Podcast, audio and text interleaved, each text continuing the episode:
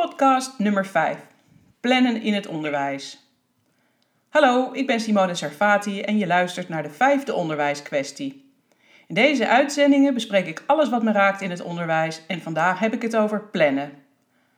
Ook in de online bijeenkomst over onderwijsarrangementen gaan we het hierover hebben, maar daarover vertel ik je meer aan het einde van de uitzending. Plannen in het onderwijs. Plannen om passend onderwijs mogelijk te maken. Plannen bij het organiseren van onderwijsarrangementen. We zijn altijd aan het plannen in het onderwijs. Maar waarom eigenlijk? Omdat plannen je helpt bij het structureren van je acties. Planmatig werken brengt je naar een doel. Ik vind het een beetje jeuktaal, maar bestuurders hebben het vaak over een stip aan de horizon. En wat hebben we nodig om bij die stip aan de horizon te komen? Juist ja, planmatige actie. Dit wordt de laatste keer dat ik het gebruik, maar mijn stip aan de horizon voor deze podcast is dat we aan het einde van de uitzending een beeld hebben van waar een goed plan voor een onderwijsarrangement aan voldoet. Eerst even een kader scheppen. In mijn werk in het onderwijs zie ik dat de voortgang van processen soms onder druk staat. Er moet van alles en men wil van alles. De ene ontwikkeling wordt ingezet terwijl de vorige amper is doorgevoerd. Eerder ingezet beleid wordt onderbroken na personele wisselingen.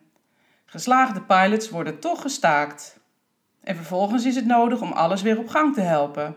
Dan zien we werkgroep zus en werkgroep zo ontstaan. Er komt van alles bij. Mensen hebben geen tijd meer voor hun eigen werk. Evaluatie hier en evaluatie daar, we kennen het allemaal. Maar daarmee werk je nog niet aan kwaliteit. Integendeel. Evaluatie zonder vervolgacties leiden uiteindelijk tot demotivatie, om niet te zeggen frustratie. Dat is jammer.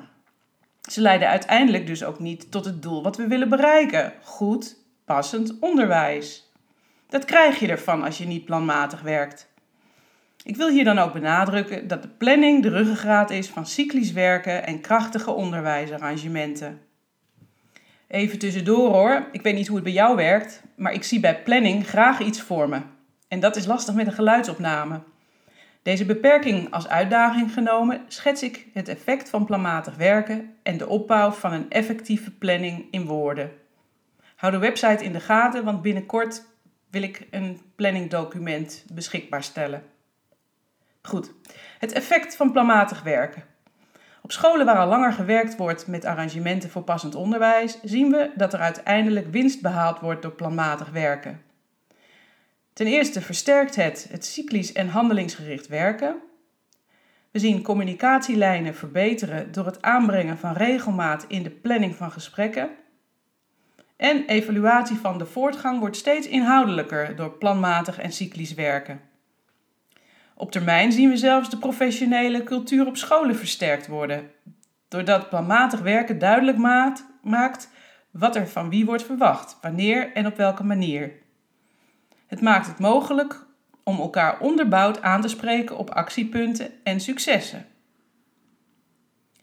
Hoe ziet een effectieve planning er dan uit? Net als hoe een spin een web spint, iedere draad is er om een reden. Hij of zij verspilt geen tijd en energie aan het creëren van franje. Zo werkt het ook als je een krachtig onderwijsarrangement wil neerzetten. Geen franje door overbodige overleggen maar een kort en krachtig actieplan waarin de kritische succesfactoren een plek hebben. Hiermee richt je de focus op de fundamentele pijlers van onderwijsarrangementen. Tussen haakjes, de lijst van kritische succesfactoren is te downloaden via sarvati.nu.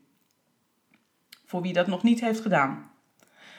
In een effectieve planning is het tijdspad de kapstok. Een tijdpad is opgebouwd uit een realistisch termijn.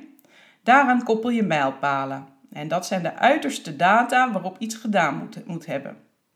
Heel belangrijk hier is dat je rekening houdt met alle mensen die bij een actie betrokken zijn. Bijvoorbeeld, er is een leerlingbespreking op 21 september. En daarvoor moet iedereen de stukken gelezen hebben natuurlijk. Dus neem daarvoor een week de tijd. Dan weet je dat je op 14 september, een week eerder, de stukken moet hebben ingeleverd. En als je dat allemaal weet, dan weet je ook dat je tijdig moet beginnen met het schrijven. En dat komt dan allemaal in de agenda's van de professionals en in de jaarplanning, zodat iedereen weet wat verwacht wordt. Zo is in principe iedereen ook meegenomen in de communicatie over wat nodig is om de voortgang van de leerlingbegeleiding te borgen en wat de verwachtingen daarbij zijn voor iedereen. Ik hoor mezelf praten en vind het eigenlijk een beetje schools klinken, maar in de praktijk blijft het nodig om deze verwachtingen helder te hebben in het belang van de voortgang van de kwaliteitszorg. Een effectieve planning maak je met het resultaat, het einddoel dus, in gedachten. Terugredenerend vul je alle acties in die tot dat doel leiden en daaraan koppel je de personen. Deze krijgen allemaal hun eigen verantwoordelijkheid voor het actiepunt. En zo ontstaat er een, een heel plan waarin iedereen weet wat van hem verwacht wordt en wat er voor nodig is om toe te werken naar het resultaat. Een belangrijk onderdeel van de planning is dus ook het maken van afspraken over de communicatie. De kansen voor leerlingen bij het gebruik van onderwijsarrangementen liggen op het pedagogisch-didactische vlak. Planmatig zijn is hiervoor dus noodzakelijk. Het voorkomt het weglekken van tijd en energie en dus ook van effectieve onderwijstijd en geld. Kortom, met een effectieve planning van een onderwijsarrangement is er niet meer overleg gepland dan nodig is. De focus is gericht op kritische succesfactoren en dat zijn de elementen waarop gestuurd wordt. En alle betrokkenen weten wanneer er iets van ze wordt verwacht en wat dat is. Hoe prettig werkt dat? Voordat ik de uitzending sluit, zou ik nog even terugkomen op de online bijeenkomst over het plannen van onderwijsarrangementen. Omdat het zo belangrijk is om kennis te delen met andere onderwijsprofessionals die zich bezighouden met passend onderwijs, organiseer ik de komende weken online bijeenkomsten van een half uur. Hierin gaan we het onder meer hebben over het plannen van onderwijsarrangementen. Wil jij hieraan deelnemen? Kijk dan voor de details en instructie voor het aanmelden op mijn website www.sarfati.nu. Goed, dat was het voor deze keer. Wil jij een keer meedoen met een opname? Of heb je zelf een onderwijskwestie die je met mij wil opnemen? Stuur dan een mailtje naar simone.sarfati.nu. Als je het interessant vond, deel deze podcast dan of abonneer je erop via de iTunes Store.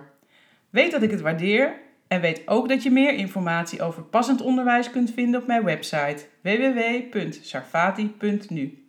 Sarfati met PH en IE. Met een hartelijke groet en tot passend weerziens.